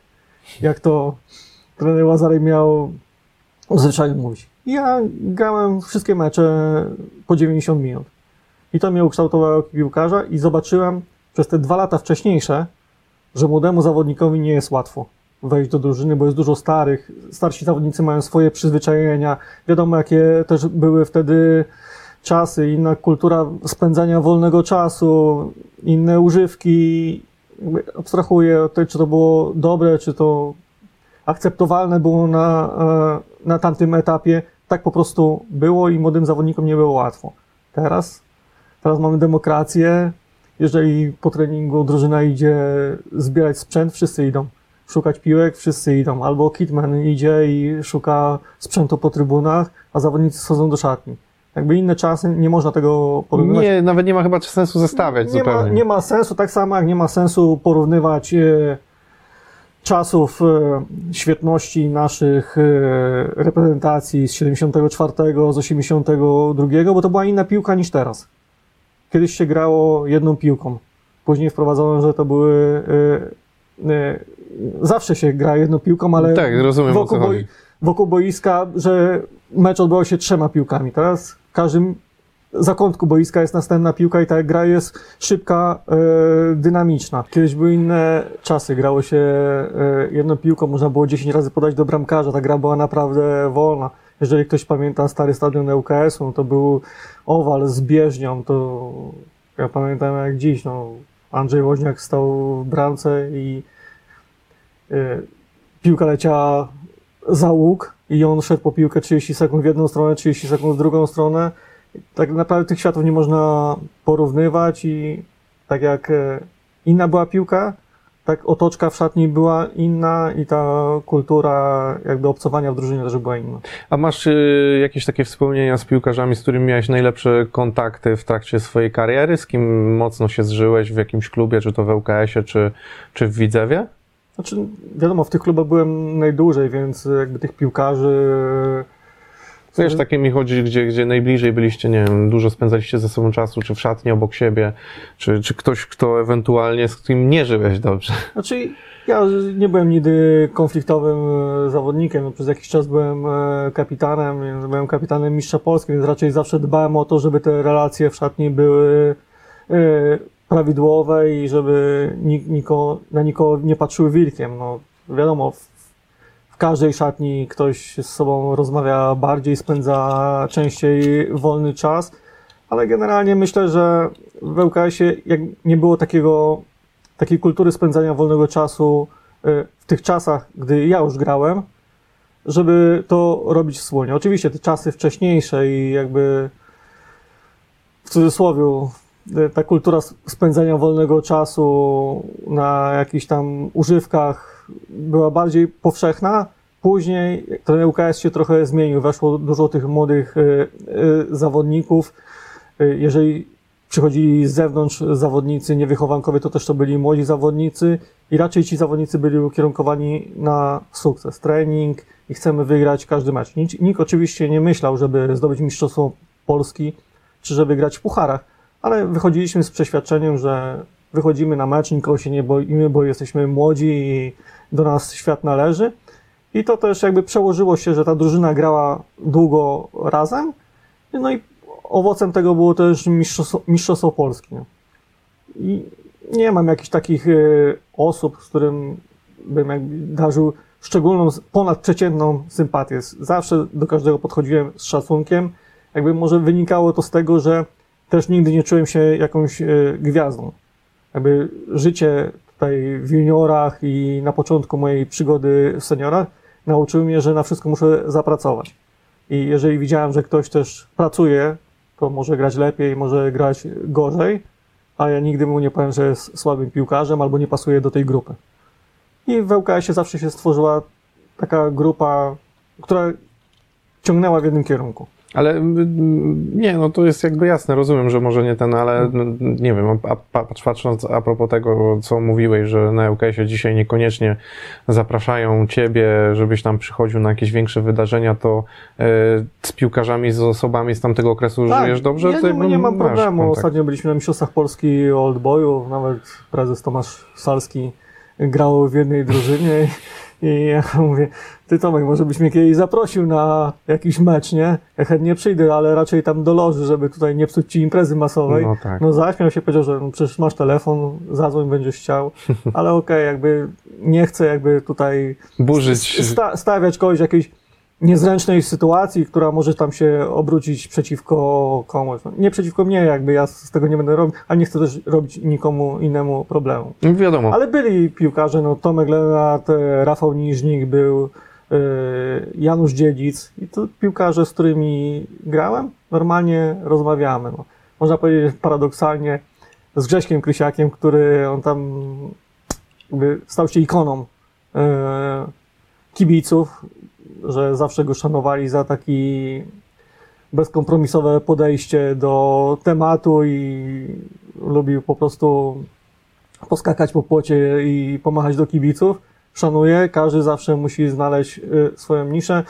No to Grzesiek można powiedzieć, że trochę był na mnie obrażony przez pierwsze dwa lata, że przeszedłem z ŁKS-u do Widzewa, ale jakby teraz rzadko się widuję z Grześkiem, ale no nie mamy jakby teraz chyba czegoś, co by mogło nas jakoś różnić, jakby czas zawsze leczy ranę. Rozumiem, że jakby mógł czuć się trochę niekomfortowo, ale to tak naprawdę ja byłem wychowankiem ŁKS-u, a nie Grzesiek. Mhm. A w Widzewie, jak przychodziłem do Widzewa, no to też miałem obawy, czy kapitan mistrza Polski będę grał w pierwszym składzie. Oczywiście, no, jeżeli ktoś za ciebie płaci, trener cię chce i działacze przyjeżdżają i chcą dopiąć transfer, to czujesz, że jesteś potrzebny tej drużynie, ale jak przychodząc do Widzewa, do Widzewie grało połowa reprezentacji Polski, albo pierwszej, albo młodzieżowych. To byli piłkarze pokroju Tomka Łapińskiego, Marek Citko, Artur Wichniarek, Radek Michalski, Marcin Zając, Mirek Szymkowiak, Maciej Stolarczyk, Rafał Kaczmarczyk. Można było wymieniać wszystkich i oni wszyscy grali w reprezentacji Polski. I do dzisiaj mamy kontakt, część z nich jest e, trenerami, gdzieś widzimy się na jakichś meczach oldboyów, gramy wspólnie w reprezentacji piłkarzy e, polskich i ten kontakt jest taki luźniejszy, sporadyczny. Nie ma taki, też takiego ciśnienia. W ŁKS-ie zawsze takie bardziej ciśnienie, że okej, ŁKS, klub e, wybrany przez Boga i tylko jedyny słuszny. Ci piłkarze, o których, których wymieniłem, oni też spróbowali chleba e, w innych klubach, e, w polskich, zagranicznych. Można powiedzieć, że wszystkiego dotykali. I są e, tacy bardziej otwarci, powspominamy, jak to było w Widzewie, jak to było, jak się z kimś w innym klubie spotkałem i bardziej na zasadzie właśnie takich luźnych kontaktów, sporadycznych, ale takich naprawdę bardzo sympatycznych. Dopytam o trenerów, bo oprócz piłkarzy byli też trenerzy. Z wieloma miałeś okazję współpracować. Też wiele słynnych bonmotów, chociażby od trenera Łazarka, który przypuszczam, że, że sporo ciekawych rzeczy wam przekazywał i w fajny, ciekawy No. sposób, ale też trener e, Lęczyk, Tak. e, trener Smuda. To są takie postaci, bym powiedział, no Czyli można, legendarne. można powiedzieć, że miałem szczęście do mm, trenerów, bo naprawdę prowadzili mnie trenerzy jak na polskie warunki wybitni, bo gro z nich było trenerami reprezentacji Polski. No i u wszystkich grałem. Więc jakby też O czymś to świadczy. o czymś to świadczy, więc darzę wszystkich y, wielkim szacunkiem.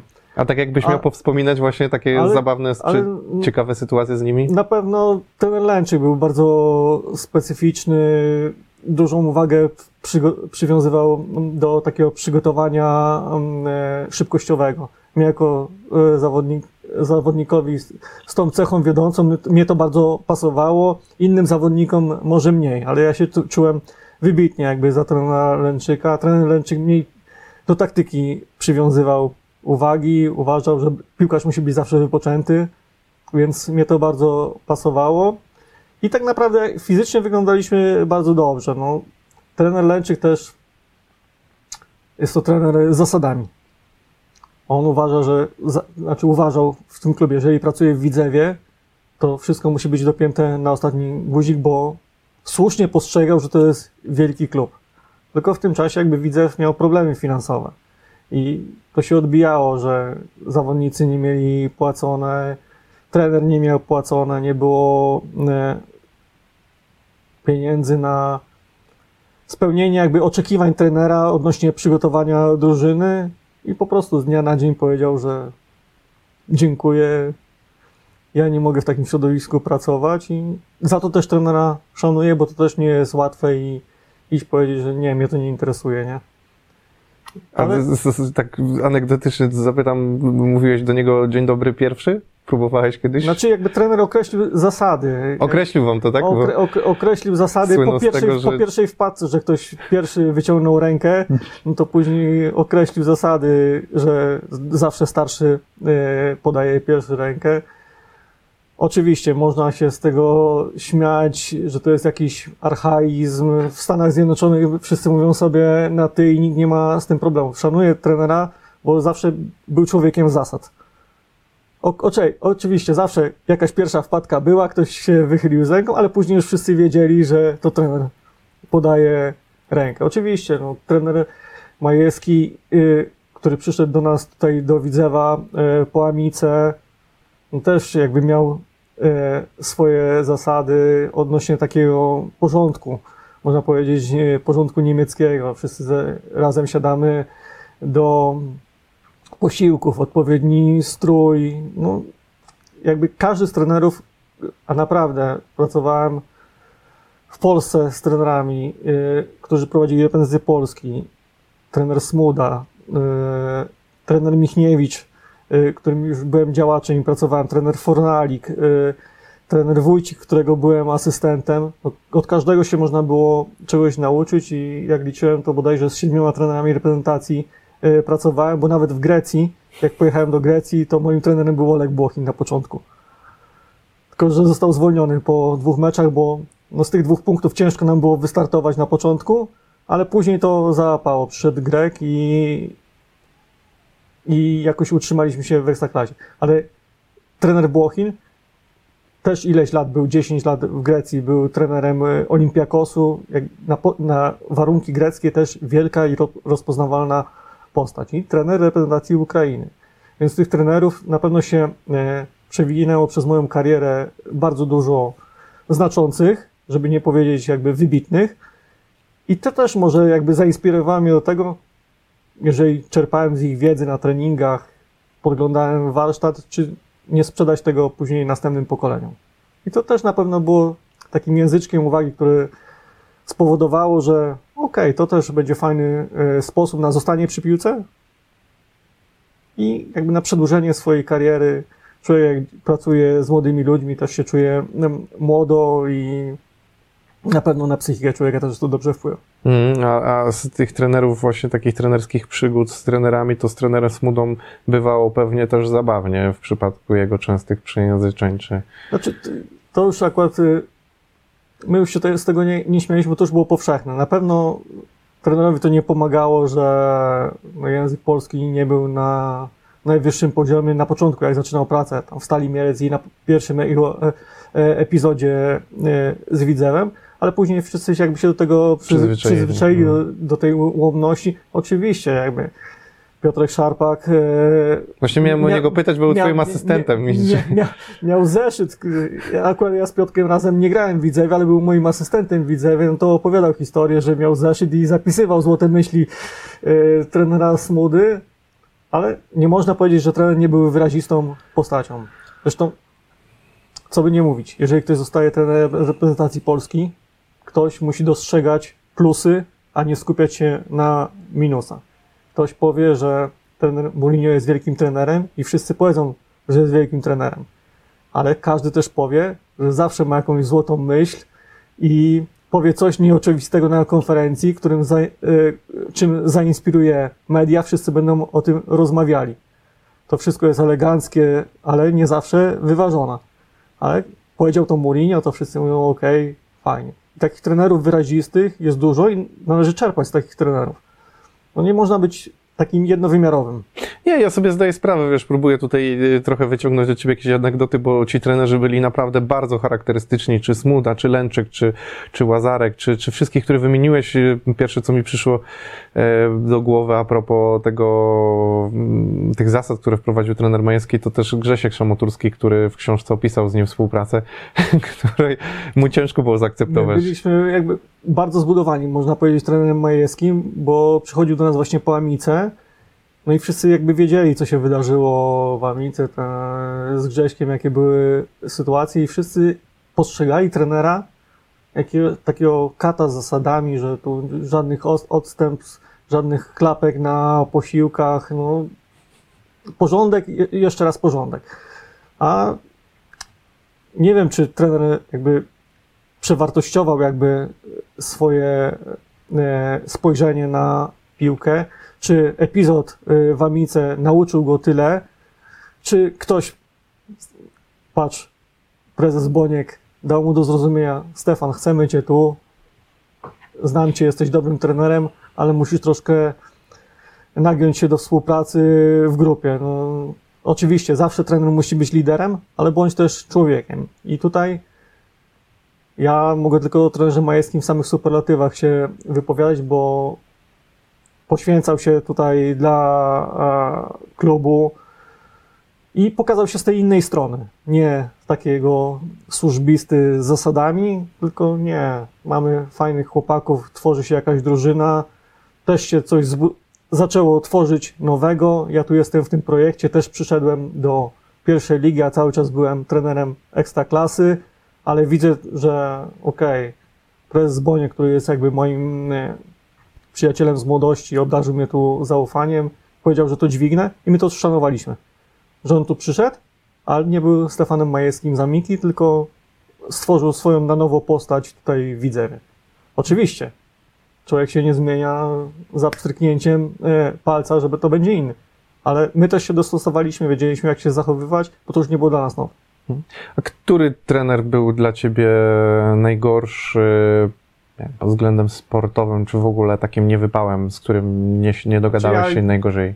Ja mam dwie zasady. Nie wypowiadam się nigdy na temat Widzewa źle i na temat trenerów, bo sam jestem trenerem. I też nie chciałbym, żeby ktoś się... Solidarność trenerska, rozumiem. Nie chciałbym, żeby się ktoś wypowiadał. Oczywiście byli, zdarzyli się trenerzy przez 17 lat, jak mówiłem, grałem cały czas, ale były jakieś sytuacje, że no, byłem po jakiejś lekkiej kontuzji, czułem, że mogłem grać, trener mnie nie wystawił i nie chciałbym, żeby to jakby w mojej pamięci przeważało nad tym, co ci ludzie dla mnie zrobili dobrego i jakby pokazali kierunek, w którym mogę iść też po, e, po karierze.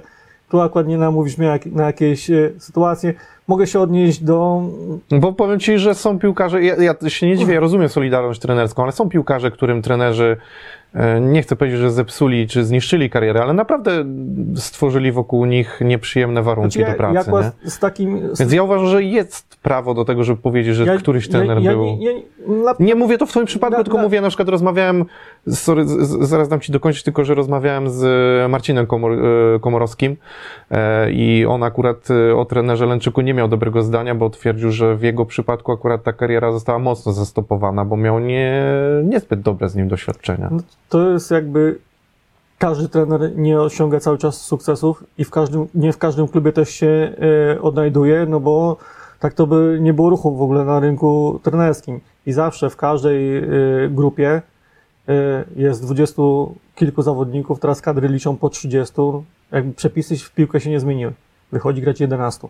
Oczywiście jest więcej zmian, ale okej, powiedzmy 16 zawodników maksymalnie będzie zadowolonych po, po weekendzie, że odcisnęli w danej kolejce piętno na drużynę, bo zagrali w jakimś wymiarze czasowym. Ale połowa drużyny będzie zawsze nie- niezadowolona. Moje jakby tutaj doświadczenia z trenerami są takie, że zawsze byłem tym podstawowym zawodnikiem i grałem. Mogłem się z kimś nie, nie zgadzać. Byli też trenerzy widzewie, z którymi się nie zgadzałem jako piłkarz, że widziałem, że ta drużyna może inaczej grać, funkcjonować z tym potencjałem zawodników, co mają. Ale też nie, nie chciałbym jakby też na nikim jakby tutaj się y, y, wyżywać, czy mówić, że był nie taki. Nie chcesz nikogo wyróżniać. Sa, sa, sam jestem tem, też trenerem, edukatorem. I zawsze mówię do trenerów, że nie ma dwóch takich samych trenerów. Każdy jest inny. Ten sam trening, każdy trener poprowadzi inaczej, na co innego zwróci uwagę. Oczywiście, będą zawodnicy i mogę tutaj Marcina też zrozumieć, bo był y, zawodnikiem o jakimś tam y, uznanym potencjale i jakby sprawdzonym przez innych trenerów i mógł mieć takie odczucia, że u trenera Lęczyka e, nie wszystko grało tak, jak e, jakby sobie to wyobrażał, bo trener Lęczyk naprawdę był specyficzną też postacią. Jakby zasadę, że zawodnik nie może zagrać e, trzech meczów e, dobrych pod rząd i zawsze stosował rotację. Nawet no, po, zawodnicy po dwóch meczach dobrych siadali na ławce, nawet jak nie było za dużego wyboru i przysłowiowo jak trener się odwracał na ławkę i kogo by miał zmienić i jaką rotację zrobić w składzie, to nieraz robił dla zasady, że okej, ty już jesteś zmęczony, nie może zejść, nie może zagrać, albo w następnym meczu nie zagrasz, bo za dobrze wyglądałeś. I te anegdoty, że o trenerze, że kończył trening, bo gwizdał za zakończenie treningu, za dobrze wyglądacie, schodzimy, nie? Dopiero się wszyscy rozkręcili. Przeszliśmy y, do gry na koniec treningu, a trener po pięciu minutach kończy. I takie sytuacje się zdarzały i wiem, że to nie wszystkim mogło też pasować, bo nam też nie pasowało. Też widzę, tak jak mówiłem, zawsze miał takich zawodników, że czuł, że to jest wielki klub i no na, na nich atakujemy, chcemy wygrywać każdy mecz. Ten zawsze był taki wycofany. Zawsze okej, też chciał wygrywać, bo no każdy trener chce wygrywać, ale tak trochę zawsze krok w tył, że przeciwnik też nam może zrobić krzywdę. My trenerzy, jaką krzywdę może nam zrobić przeciwnik? My jesteśmy najlepsi, nie? I tu z trenerem trzeba było, e, nie powiem, że walczyć, ale jakby pokazywać swoje argumenty. Nie powiem, że jakby trener nie był elastyczny. No, Też każdy człowiek się zmienia i po jakimś czasie zobaczył, że no okej, no mam fajnych piłkarzy, dam, dam im grać, nie? Ale tak jak w przypadku Marcina Komorowskiego, mogło nie zagrać. I to jestem w stanie zrozumieć. Jasne. Mm, Derby Łodzi to jest coś, co elektryzuje mocno to miasto, elektryzuje kibiców. E, W przypadku Widzewa to w zasadzie nie tylko derby, ale też mecze z Legią często elektryzowały to miasto. E, A jak to w Twoim przypadku było? Które derby zapamiętałeś najbardziej e, i kiedy miałeś największe emocje związane z meczem e, grając w barwach tych klubów? To były właśnie derby, czy w przypadku Widzewa może właśnie pojedynki z Legią, czy może jeszcze jakieś inne pucharowe pojedynki? Czy na pewno derby w Łodzi są wydarzeniem? Grając w ŁKS-ie, no zawsze też jakoś postrzegało się ten widzew, ŁKS się interesował widzem. To, co kiedyś e, mówiłem w jakimś wywiadzie, że różnica między ŁKS-em a widzewem jest taka, że wszyscy w ŁKS-ie zawsze interesowali się, co się dzieje w Widzewie, bo to jakiś klub z otoczką i grał w pucharach, częściej zdobywał mistrzostwa Polski, a przechodząc do Widzewa, zauważyłem, że ŁKS-em tak naprawdę nikt się nie interesuje. Oczywiście, no, mamy klub z, całym- z, całym szacunkiem, ale przede wszystkim jesteśmy my patrzymy na siebie, nie oglądamy się, co się dzieje dookoła. I na pewno dla mnie największym wydarzeniem były derby w Widzewie, już po przyjściu z ŁKS-u i tutaj za trenera właśnie Majewskiego byłem wytypowany do strzelania rzutów karnych i akurat ten rzut karny się przydarzył na ŁKS-ie. I podszedłem do tego rzutu karnego, strzeliłem go i później dopiero po czasie, jak te emocje ze mnie spadły po meczu, się zastanowiłem, co by było, jakbym tego karnego nie strzelił. Ze, ze strony ŁKS-u oczywiście szyderka, że ale jesteś słaby, dobrze, że od nas odszedłeś, nie? Ze strony Widzewa, nie no, nie chciał strzelić swojej byłej drużynie. Strzeliłem, ale później, nawet jak z chłopakami rozmawialiśmy i z trenerem w szatni, pewnie w następnym meczu derbowym bym do karnego nie podszedł, żeby nie robić po prostu sobie takich problemów, bo to i tak była dla mnie stresująca y, sytuacja. Też piłkarze często przechodząc z jednego klubu do drugiego nie okazują radości po strzeleniu bramki, mówią, że to z szacunku y, do swojego byłego klubu. Ja do tego ni- nigdy tak nie podchodziłem. Ja uważałem, że jeżeli ja tego karnego strzeliłem, to to był też wyraz mojego szacunku dla y, ŁKS-u. Bo ŁKS mnie wyszkolił jako piłkarza. Ja jestem pewny siebie, podchodzę i strzelam. Cieszę się, bo strzeliłem dla nowego pracodawcy, dla nowego klubu też pokazałem, że mam przysłowiowe jaja, nie boję się, będę za was umierał. I tutaj bym z tym tak właśnie nie rozbudowywał tego, że o, komentatorzy mówią, on nie okazuje szacunku dla swojego klubu. Teraz w ogóle takiej kwestii nie powinno być, bo ci piłkarze się zmieniają, rotują w klubach nieraz e, co sezon, a nieraz częściej, bo jeżeli nie grają, cały czas poszukują możliwości do rozwoju. Więc trochę jest to y, wyolbrzymiane, ale na pewno jest to wydarzenie w Łodzi duże. Z perspektywy Widzewa na pewno mecze z Legią też są y, bardzo ważne, bo historia pokazała, że mecze decydowały o mistrzostwie Polski i są też nazywane derbami Polski, tak jak Legia gra z Lechem, Legia gra z Górnikiem Zabrze, z Wisłą Kraków, to samo w przypadku Widzewa. Jest jakaś grupa klubów wielkich, które w historii polskiej piłki y, mogą poszydzić się y, kilkoma lub kilkunastoma tytułami mistrza Polski i to zawsze będzie y, elektryzowało Polskę i to będą jakieś mecze, które są ponadprzeciętne.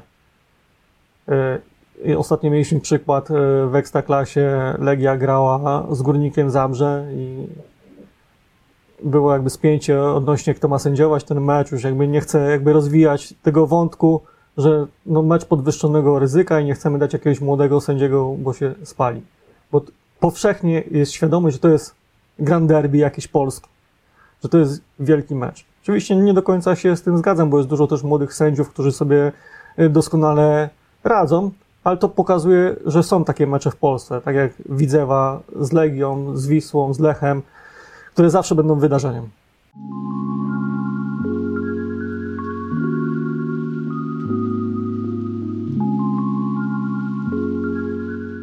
To już w sumie tak przechodząc do końca, ale jeszcze chcę dopytać o tą twoją współpracę z Widzewem jako klubem, już może nie od strony piłkarskiej, mówię takiej boiskowej, tylko czysto e, zarządczej, e, bo tutaj byłeś właśnie jako doradca zarządu do spraw e, sportowych. Ta twoja współpraca też się zakończyła chyba 2.20, jeżeli Tak. dobrze pamiętam. E, Po awansie do pierwszej ligi. tak, i powiedz mi, mm, bo Widzew awansuje później do Ekstraklasy, jak ty w ogóle mm, postrzegasz dzisiaj Widzew, to zarządzanie Widzewem. Byłeś w tym klubie też powiedzmy wcale nie tak dawno temu. Później ten klub e, z, z obecnym zarządem awansuje do ekstraklasy. E, bywasz tutaj, śledzisz pewnie. Jak ty to wszystko postrzegasz? Jakie masz przewidywania co do tego klubu? Czy masz może jakieś swoje własne wnioski, opinie i, i takie rzeczy, które Znaczy mógłbyś ja- podpowiedzieć? Ja się cieszę, że Widzew e, wrócił do ekstraklasy, bo na pewno dodaje, dodaje projektowi jakości, otoczki, która jest tutaj niepowtarzalna na Widzewie i na pewno daje kolorytu m, ekstraklasie. To tutaj wszystko dobrze zawsze w obrazku wygląda. Dobre boisko, e, Pełen Pe, stadion? pe, pełen stadion, doping przez y, 90 minut, tu się wszystko, wszystko zgadza i na pewno kibicuję projektowi. Oczywiście po reaktywacji tutaj drużyna zaczynała z czwartej ligi. To nie były na pewno łatwy czas y, dla Widzewa. Też tutaj ludzie, którzy się zaangażowali w projekt, też pewnie mieli inne wyobrażenie o tym, że to po prostu z roku na rok będzie się awansowało do ligę wyżej. A nie jest tak łatwo. Jakby tutaj historia pokazała, że nie zawsze to się udało. Ja akurat pr- pracowałem na etapie drugiej ligi po pierwszym braku awansu do pierwszej ligi i to się udało zrobić. Oczywiście były zastrzeżenia, że styl y, się nie podobał, ale tak naprawdę na końcu zawsze się liczy wynik i wydaje mi się, że trzeba docenić to, że ta drużyna awansowała, bo wcześniej nie awansowała z trzeciej do drugiej ligi rok po roku i nie awansowała z drugiej do e, pierwszej. Zawsze wszystko można było zrobić e, lepiej, patrząc z mojej perspektywy, ale klub pnie się w górę cały czas. Są nowi ludzie, mają nowe pomysły. Na razie widać, wszystko się sprawdza. Wydaje mi się, że dobrym posunięciem było, że e, wykrystalizował się jeden właściciel ze stowarzyszenia, bo no w żadnej dobrej firmie, jeżeli 25 jest właścicieli, to każdy będzie miał na piłkę inne spojrzenie i będzie chciał iść w innym kierunku. Oczywiście wszyscy, cała ta 25 chciała awansować jak najszybciej, ale każdy miał inną e, wizję tej drogi, jak ta droga ma podążać. I teraz Widzew ma jednego właściciela, zawsze można powiedzieć, że realizuje wizję jednego człowieka. Na razie wszystko można, idzie w dobrym kierunku, drużyna awansowała do ekstraklasy, jest wysoko w tabeli i tu można powiedzieć, że jak mówiliśmy o trenerze Szulczku, że odcisnął y, piętno na warcie, że ta gra warty jest rozpoznawalna, to to samo można powiedzieć o trenerze Niedźwiedziu, że ma jakiś y, y, swój styl gry, oparty na budowaniu cierpliwie akcji od własnego pola karnego, nie wybijaniu piłki i na razie z lepszym lub gorszym skutkiem to się udaje.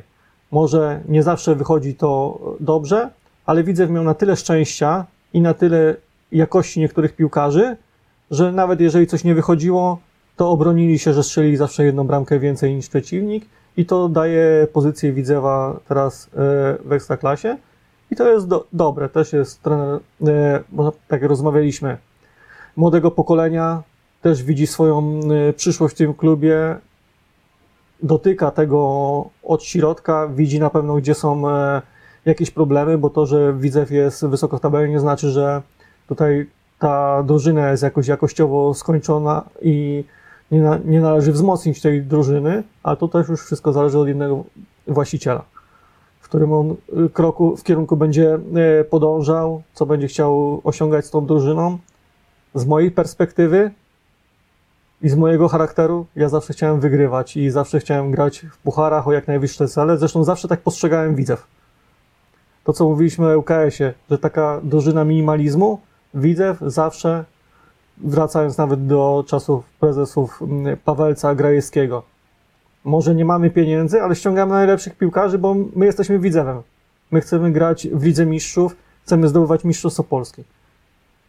I tu jest właśnie taki klimat, jak w Legii, w Wiśle Kraków, w Lechu Poznań, w Górniku Zabrze. To są kluby, które zawsze chcą się bić o jak najwyższe cele jest nowy właściciel, dobrał sobie ludzi do pracy, takich, którzy jakby idą z jego wizją i należy tylko oczekiwać wyników. Ja bym sobie życzył, żeby Widzew zagrał e, na jesień w europejskich pucharach, bo to naprawdę w, ostatniej historii Widzewa zaczynał z czwartej ligi, może się jakby długo nie powtórzyć, że Widzew będzie miał taką szansę na wyciągnięcie ręki. I paradoksalnie ta e, wiosna może nie jest najlepsza, bo drużyna oczywiście gra w jakimś swoim stylu powtarzalnym i to można zauważyć, ale nie punktuje tak, jakbyśmy sobie życzyli. Przy odrobinie szczęścia Widzew mógłby być na trzecim e, miejscu i walczyć z Legią o wicemistrzostwo. Gdyby e, wiosna była po myśli i trenera e, Niedźwiedzia i właściciela. Ale trzeba walczyć o to, bo to jest Widzew. A wyobrażasz sobie, że z obecnym potencjałem, jeszcze patrząc przez pryzmat tego, że Widzew jest Beniaminkiem, to już jest ten etap na walkę o puchary? Oczywiście może dzisiaj na to wskazuje gdzieś tam, że są bardziej bliżej czuba tabeli, ale jednak e, rozmawiając z prezesem Drużdżem, e, wiem, że oni mają jakiś plan, ale nie jest on na tyle, Znaczy, ja, nie rzucają się na to, że musi to być, nie? ja zawsze mówię, to nie musi być, że Widzew musi grać, ale ja bym chciał. Bo to jest, bo to jest Widzew. Twoje serce po prostu mówi, To, że... to, że... to jest Widzew. Ja chcę, żeby osiągał jak najlepsze wyniki. Y, mówienie... Bo się- pytam o czysto realne, wiesz, musisz, patrząc na to, na rzeczywistość, jaki dzisiaj ma widzę w potencjał, nie oszukujmy się, to jest też wynik trochę ponad stan jednak tego klubu, moim zdaniem. Jeżeli patrzymy na po- potencjał piłkarski, to no ja też nie jestem oderwany od rzeczywistości. Rozmawiam z trenerami z całej Polski, się spotykam i wszyscy mówią, że Widzew gra ponad stan, y, na jaki by wskazywał potencjał zawodników. Ale tak, tu nie zgodzę się akurat z prezesem Drużdżem, że okej, mamy plan systematycznie, krok po kroku coś budować. Taka sytuacja może się nie po- powtórzyć przez najbliższe 5 lat. I będziemy żyli z tym planem, że cały czas idziemy krok po kroku. Jak możemy zrobić skok, zróbmy. Mhm. Przecież to nic nie kosztuje. Kiedyś e, ktoś mnie zapytał, e, mm, e, kto będzie grał za jakiegoś młodzieżowca, bo akurat nie może wystąpić e, i czy Zjawiński będzie grał w ataku. Ja mówię, trener powinien mieć taki komfort w pracy, że wystawia najlepszych zawodników. Jeżeli czuje, że młodzieżowcy obniżają jakość y, zespołu, a ja mam w zasięgu europejskie puchary, to gram bez młodzieżowców. Jeżeli nie spełnię limitu y, ilości minut młodzieżowców, ok, jakieś pieniążki dopłacę, ale ja zajmę wy, wyższe miejsce w lidze, przynajmniej daję sobie na to szansę większą. Wyższe miejsce w lidze, mam szansę, że dotknę tych pucharów. Dla y, większości tych chłopaków, co tu są, to może być jedyna niepowtarzalna sytuacja, bo tak jak e, rozmawialiśmy o potencjale drużyny, tak jak Warta ma nieoczywistych piłkarzy i trener z nich robi drużynę, która gra powtarzalnie, zdyscyplinowanie taktycznie, tak samo można powiedzieć o Widzewie, że ma nieoczywistych piłkarzy, że jeżeli byśmy dzisiaj wszystkich e, wystawili na listę transferową, czy nawet dali im wolną rękę w poszukiwaniu klubów, niekoniecznie Legia Warszawa, Lech Poznań, yy, Pogoń Szczecin czy Raków Częstochowa mogłaby się zgłosić po któregoś z tych zawodników. Więc to świadczy o tym, że oni w kolektywie są bardzo dobrzy. Oczywiście można powiedzieć, że Bartek Pawłowski na tle tej ekipy yy, robi różnicę i się wyróżnia, ale oni są silni jako kolektyw. Jeżeli możemy zachować ten kolektyw kosztem, że nie wpuścimy w jakimś meczu młodzieżowca, ale to może nam dać y, szansę zaistnienia i rywalizacji w pucharach, róbmy to. Nic się nie stanie, jak Widzew y, awansuje do pucharów i odpadnie w pierwszej rundzie. Zapisze się w historii, że zdobył wicemistrzostwo, zajął trzecie czy czwarte miejsce, grał w europejskich pucharach. To zostanie. Tak naprawdę ja y, obserwowałem tą drużynę od czwartej ligi, y, jak y, rozpoczęła po reaktywacji. Ja nie pamiętam piłkarzy, którzy grali w czwartej, w trzeciej. W drugiej lidze pamiętam, bo, no, bo z nimi pracowałem. Ale też można było zapytać, gdzie oni teraz są. A zawsze się pamięta sukcesy klubu. Zawsze wszyscy będą pamiętali mecz 3-2 z Legią w Warszawie, który dał Mistrzostwo Polski. Zawsze będą pamiętali mecz z Juventusem, z Manchesterem. Ja przypuszczam, że ten awans do Ekstraklasy też będzie zapamiętany. Awans do Ekstraklasy będzie zapamiętany, ale to minie. Ktoś za parę lat, jak Widzew będzie grał 10 lat w Ekstraklasie, nie będzie pamiętał, że był awans do Ekstraklasy. Liczy się Widzewie pierwsze miejsce, drugie, trzecie i czwarte, jeżeli dają puchary. Nie? Rafał, słuchaj, życzę Ci tego, żebyś mógł się cieszyć z tych sukcesów Widzewa, bo na pewno e, byłyby to fajne, ciekawe i przyjemne momenty Ja dla myślę- Ciebie ja- jako... Dla, dla mnie na pewno. Myślę, że Widzew ma w całej Polsce na tyle kibiców, że wszyscy by się cieszyli.